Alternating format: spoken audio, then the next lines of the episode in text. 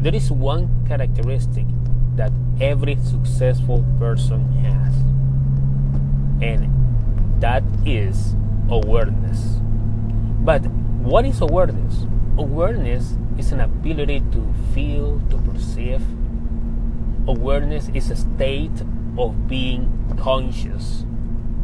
Now, every successful person, even that a leader, manager, that are successful in their organizations, practice three types of awareness.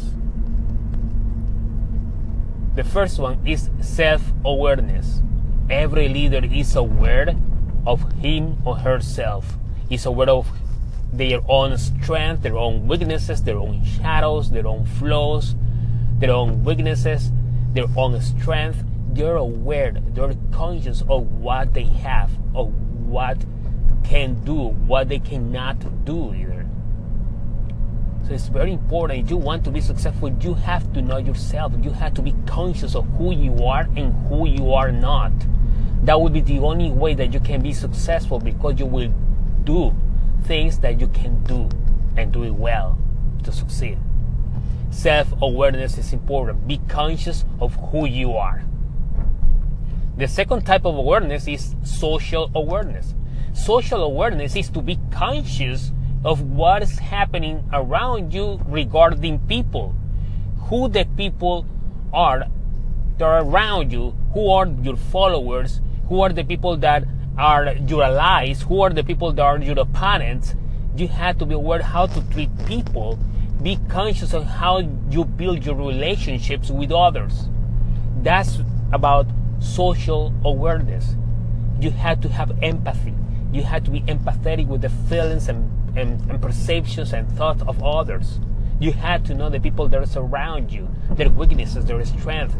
And if you're a leader, you had to know your team members. You had to know your employees so you can give them the tasks that they can do successfully. Building relationships require social awareness, high level of social awareness, to be empathetic with the person that you're leading with. And the third type of awareness is external awareness. This is very important.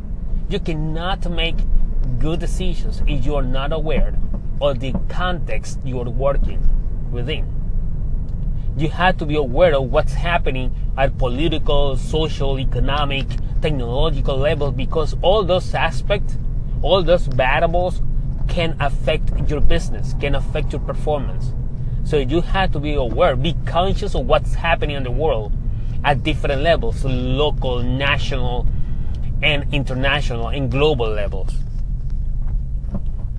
In order to make good decisions, you have to be aware of the world that you're living. You have to be aware of the context you are working with. So, those are the types of awareness that will let you be successful as a manager, leader, entrepreneur, small business owner, or CEO, you have to practice. You have to be successful as a leader. You have to practice these three types of awareness. Remember, awareness is a state of being conscious. And the three types of awareness are self awareness, know who you are. Be conscious of who you are and who you are not. Social awareness, be conscious of the people that are around you be conscious who is who in your life, who your confidants are, who your allies are, and who your opponents are. And third, external awareness. Be conscious of the world you're living. Be conscious of the trends that are happening around the world at economic, social, political, economic, technological level. Be aware of your environment. So if you practice these three self-awareness. If you practice these three types of awareness, you will be on your way to be successful and to lead better your organization. What do you think? Let me know. Build and battle. Until the next time.